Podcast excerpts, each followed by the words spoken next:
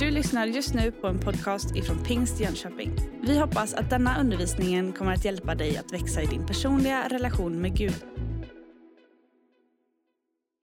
Hörni, i, igår då var jag på bröllop. Det är alltid en stor glädje och det är en stor fest. Det var några vänner till oss som gifte sig. Och man inser ju där att det är en stor glädje, men det är också ett beslut som fattas. Ett beslut som får konsekvenser. De som gifte sig de lovade ju att stå vid varandras sida resten av livet.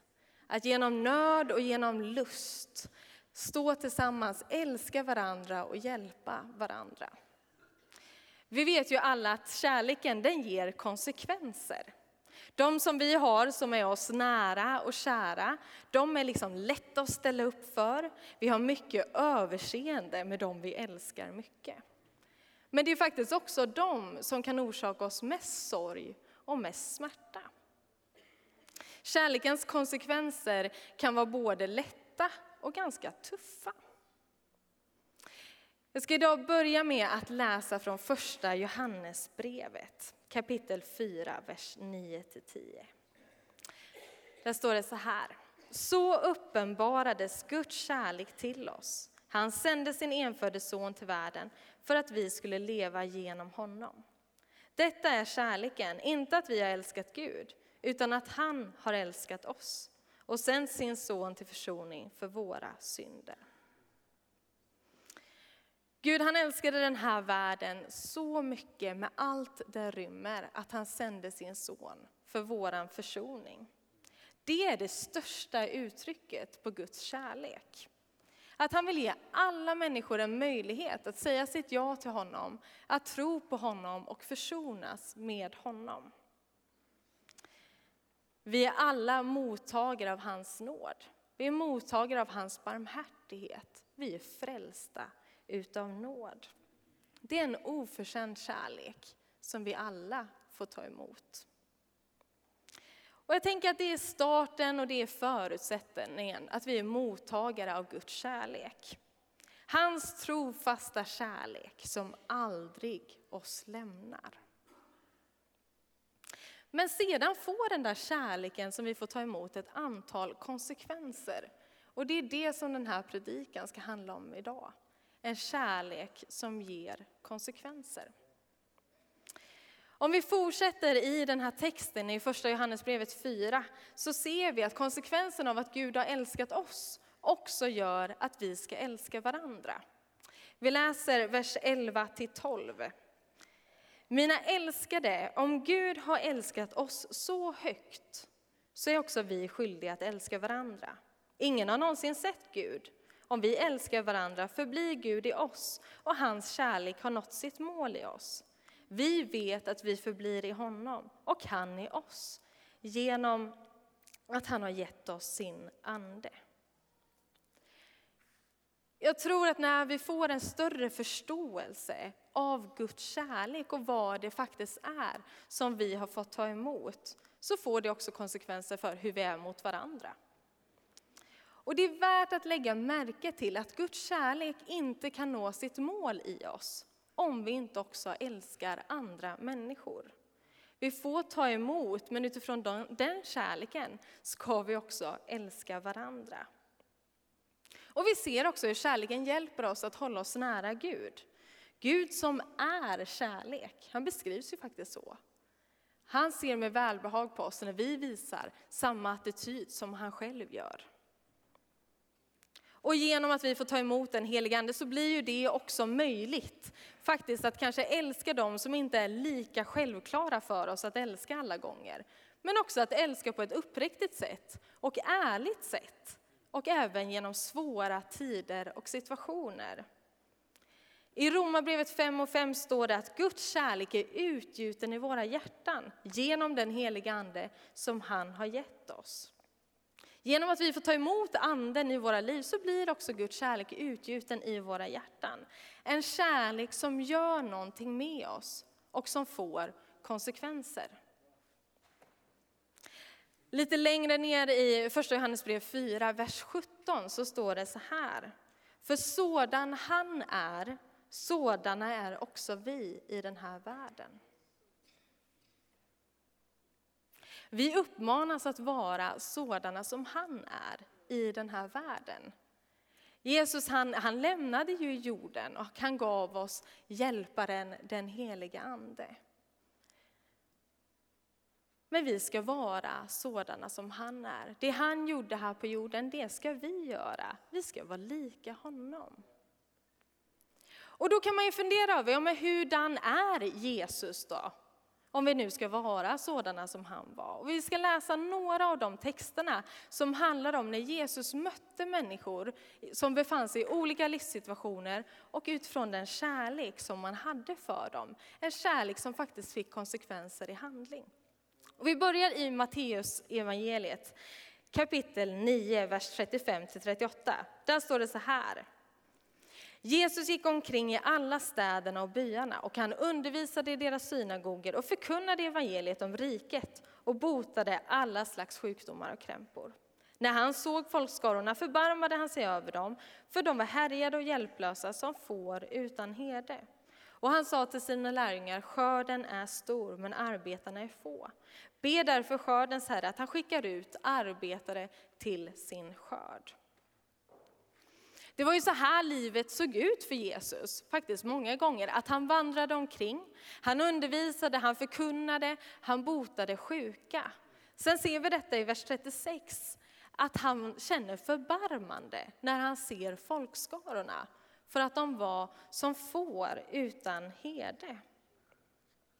Att förbarma sig det är ju att känna medlidande. Och det här ordet som används, i sin grundbetydelse så betyder det att få ont i inälvorna. Och då kan man tänka sig varför då? Jo men det var för att tarmarna och inälvorna, det såg man som platsen, sätet för både kärlek och medlidande. Det var där, det var platsen där man kände, ni vet att det känns i magen. Att få ont i inälvorna. Det var alltså inte bara att Jesus han såg folkskaran och så tyckte han synd om dem. Nej, han fick faktiskt ont så att det kändes i magen. Och jag kände att här, här behöver jag involvera mig, här behöver någonting hända. Och sättet som han gjorde det, det var dels att uppmana till bön. Att be skördens Herre om fler arbetare. Sänd fler, det behövs fler människor som går ut, som gör skillnad, som engagerar sig i människors livssituation. Vi behöver vara fler. Direkt efter detta i kapitel 10 så ser vi hur Jesus kallar till sig de tolv lärjungarna och så sänder han dem ut med samma uppdrag, att förkunna, att möta människor, att bota sjuka. Det som Jesus hade gjort, det skulle nu de göra. Sådan han var, sådana skulle de vara.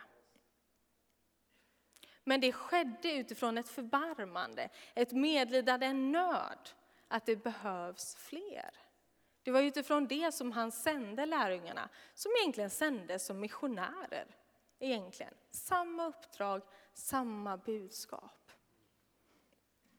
Vi ska titta ytterligare några exempel och nästa är också från Matteus 15. I vers 29 ska vi läsa om att Jesus gick upp på ett berg och det var många människor som kom till honom. Han undervisade dem och han botade många sjuka. Och i vers 32 så står det så här. Jesus kallade till sig sina lärjungar och sa, det gör mig ont om dessa människor. De har redan varit hos mig tre dagar och har inget att äta. Jag vill inte låta dem ge sig iväg hungriga de kan duka under på vägen. Jesus uttrycker alltså på ett liknande sätt att han får ont när han inser att de här människorna är hungriga. Vi kan inte bara skicka iväg dem, då kan de ju dö när de tar sig hem. Och det var faktiskt utifrån den smärtan och den omsorgen som Jesus sen gjorde ett under. Utifrån några få bröd och några fiskar, så att flera tusen människor blev mätta.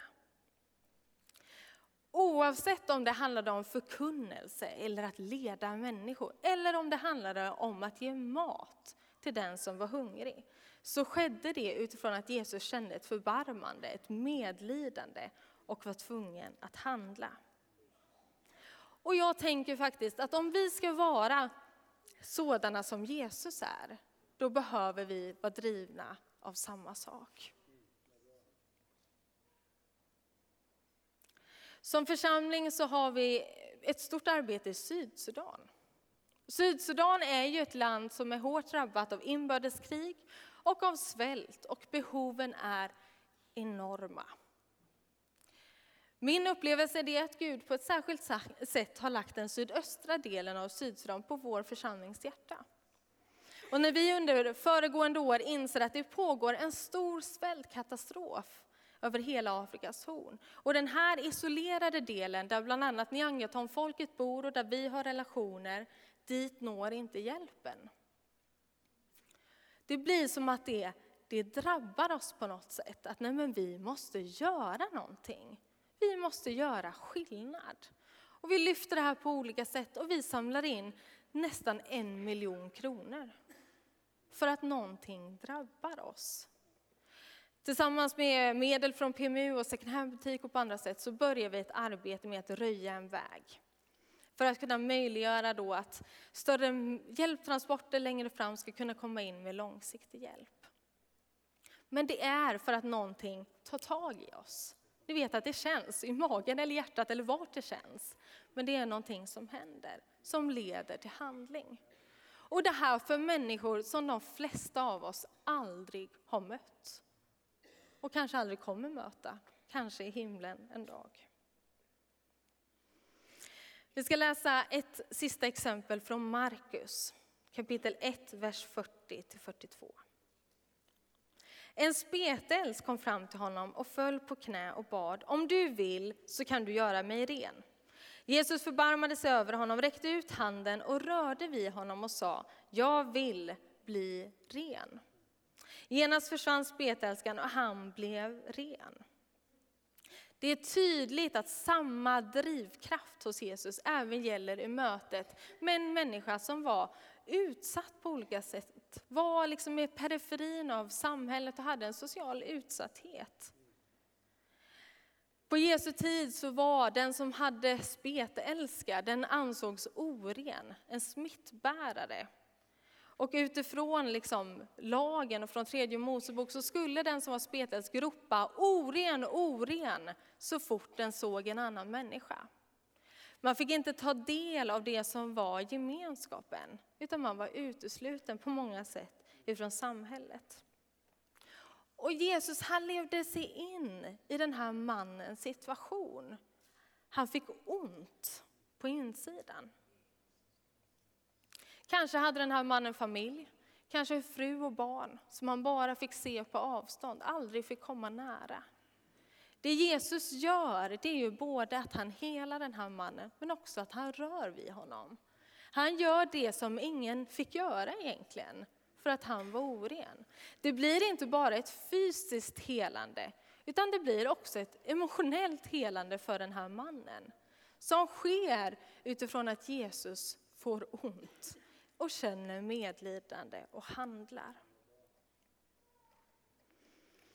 2015 var en speciell tid för vårt land, jag tror att vi alla kan hålla med om det, då många människor kommer hit som flyktingar.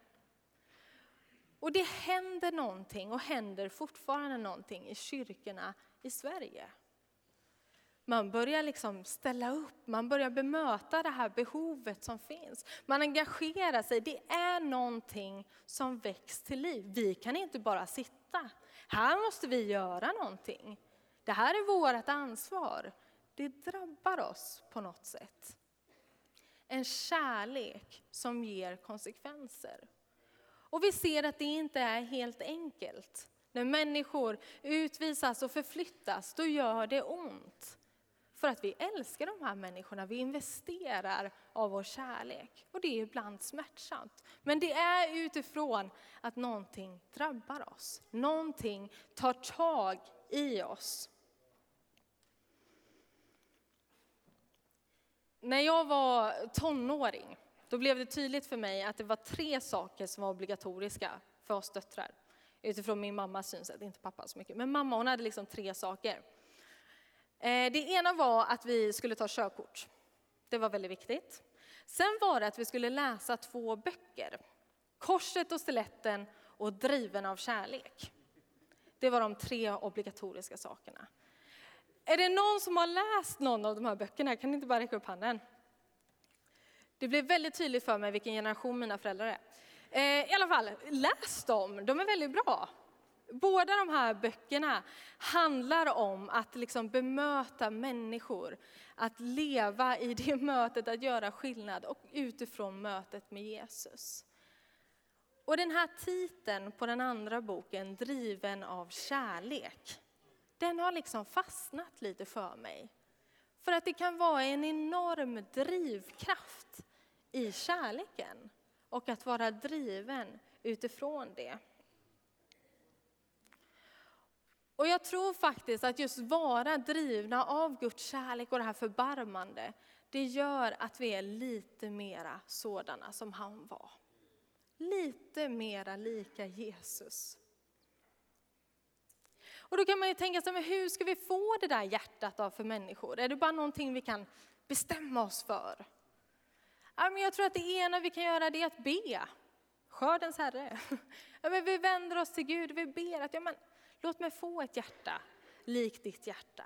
Gör någonting med min insida. Låt mig få känna, låt mig få leva på det sätt du önskar. Men det andra det är att jag faktiskt tror att vi behöver möta människor. Att vi behöver finnas där människor är. Ni vet Jesus han drog sig undan, han gick upp på ett berg, han bad och på olika sätt investerade i den tiden med Fadern. Men han gick också ner från berget och han var bland människor. Jag tror att ett sätt att få det där hjärtat och den där drivkraften, det är att finnas bland människor. Att våga möta, att våga känna och att faktiskt stanna i de där situationerna och mötena en stund. För det gör någonting med oss. Daniel Alm som är föreståndare för Pingstfria församlingar i samverkan, han sa häromveckan så här. Att andeuppfyllelsen leder oss rakt i famnen på nöden. Andeuppfyllelsen leder oss rakt i famnen på nöden. Jag läste tidigare att Guds kärlek är utgjuten i våra hjärtan genom att vi får ta emot anden.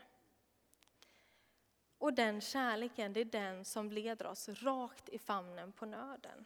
Och det kanske är för att det var ofta i situationer av nöd som Jesus befann sig och hamnade i. Och kanske är det där vi ska vara. Vi har läst några bibelord som handlar om hur Jesus utifrån sitt förbarmande möter människor. Men när vi läser evangelierna så ser vi det som en röd tråd. När han botar sjuka, när han driver ut onda andar, när han uppväcker döda, när han undervisar. Då sker det utifrån ett förbarmande, att han känner medlidande och det leder till handling. Och jag tror inte att det betyder att han alltid gick runt och hade ont. Alltid gick runt och kände den där nöden eller bemötte alla behov. Jag tror inte det. Utan jag tror att det ibland drabbade honom. I vissa möten med människor. Förra helgen så var jag på pingstrådslag tillsammans med några andra. Och då berättade en kvinna som heter Nina som jobbar med LP hur hon samma dag hade ätit sin lunch i en park i närheten av där vi hade rådslaget. Och hur hon hade sett en kvinna som satt och grät. Den här kvinnan hon såg ut att leva ett tufft liv. Och Nina hon berättar hur hon kände att Nej, men jag måste gå fram till henne. Jag måste gå fram till min medsyster. Så att hon går fram och så frågar hon, får jag ge dig en kram? Och det får hon och de får ett samtal. Och Nina liksom beskriver detta som att Nej, men jag kunde liksom inget annat göra. Jag åt min lunch i samma park. Och flera andra. Jag såg inte ens den här kvinnan. Och jag tror att det är så för att vi är olika. Och vi ska göra olika saker, vi ska bemöta olika människor. Men kanske funkar det så att startskottet, det är mötet med Jesus. Det är alltid det. Det är där det börjar. Att vi får ta emot den heliga Ande som våran hjälpare. Att vi ställer oss till Guds förfogande och ber att vi ska få det där hjärtat. Och få finnas där för andra människor. Och kanske, ibland när vi minst anar det, så drabbar den där nöden oss. Det känns någonstans i magen att här måste jag engagera mig, här måste jag göra någonting. Det här är min uppgift på något sätt. Och det är olika för olika människor. Men jag tror att det är viktigt att alltid påminna oss om att vi får göra det tillsammans med Jesus. Vi gör vår del och han gör sin. Och det är bara han som kan göra det. Han är trofast och han har lovat vara med. Det handlar inte om prestation, utan det handlar om att få ta emot. Ta emot hans kärlek som ger konsekvenser. Och när jag funderar över liksom livet med Jesus och hur det ser ut, då återkommer jag ofta till en berättelse. Det är en berättelse som handlar om en mamma och hans pojk, eller hennes pojke. Den här mamman hon ville att pojken skulle lära sig att spela piano. Jag vet inte om ni är uppvuxna så med föräldrar som vill att man ska lära sig instrument. Jag spelade fiol i fem år. Jag kan fortfarande bara sån här, jag kan ingenting. I alla fall, så ville mamman att han skulle lära sig att spela piano. Men han var totalt ointresserad av detta. Men då ser hon på en affisch att en världsberömd pianist ska komma till stan. Och så tänker hon, ja det här är chansen. Bara han får gå på den här konserten, bara han får höra hur vackert det kan låta, då kommer han att vilja börja spela piano. Så hon köper sina biljetter, längst fram ska de sitta och dagen är där. Och de går dit och i det här vimlet som uppstår när man ska ta sina platser så inser mamman att nej men, pojken är borta. Vart har han tagit vägen? Hon tittar sig runt omkring och så inser hon att nej men, han har ju gått upp på scenen. Och han har satt sig vid flygeln. Du vet den här mamman, hon vill bara sjunka genom golvet. Vad ska jag göra? Ska jag gå upp? Ska jag stå kvar? Vad ska jag göra? Dessutom börjar pojken att spela på pianot. Och han spelar Kalle Johansson.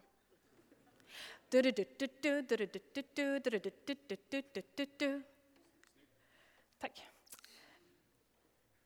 Och när han sitter där och spelar den här sången, då kommer den världsberömda pianisten ut på scenen. Och han tecknar till folket att, var tysta nu. Och så slutar han upp bakom den här pojken och så säger han, du fortsätt spela bara.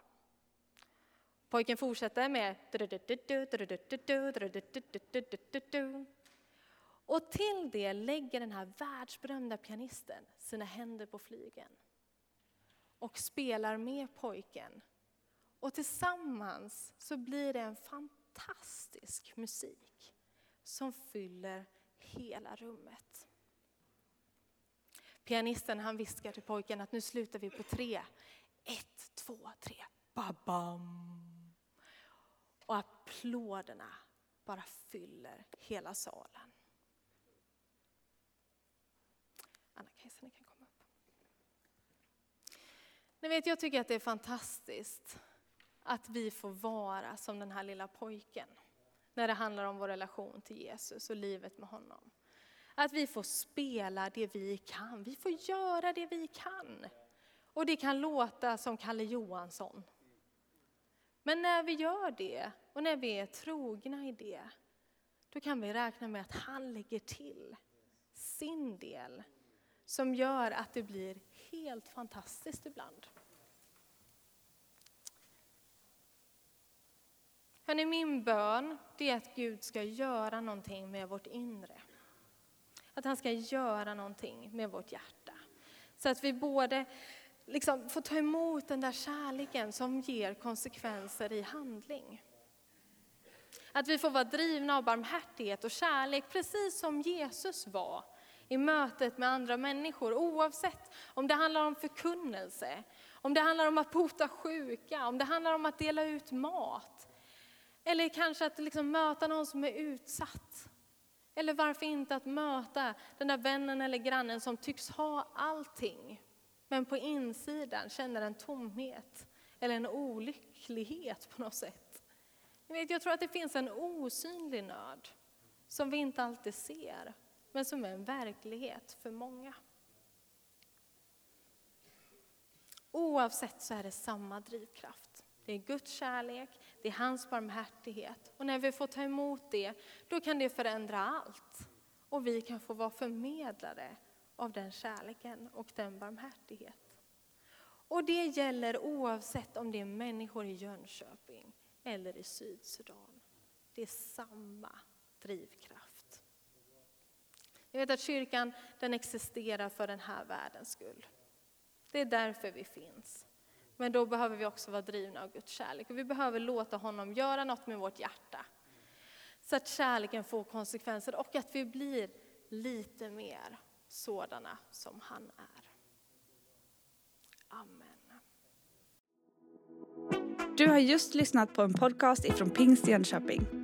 För att få reda på mer om vilka vi är och vad som händer i vår kyrka så kan du gå in på pingstjonkoping.se eller följa oss på sociala medier via pingstjkpg.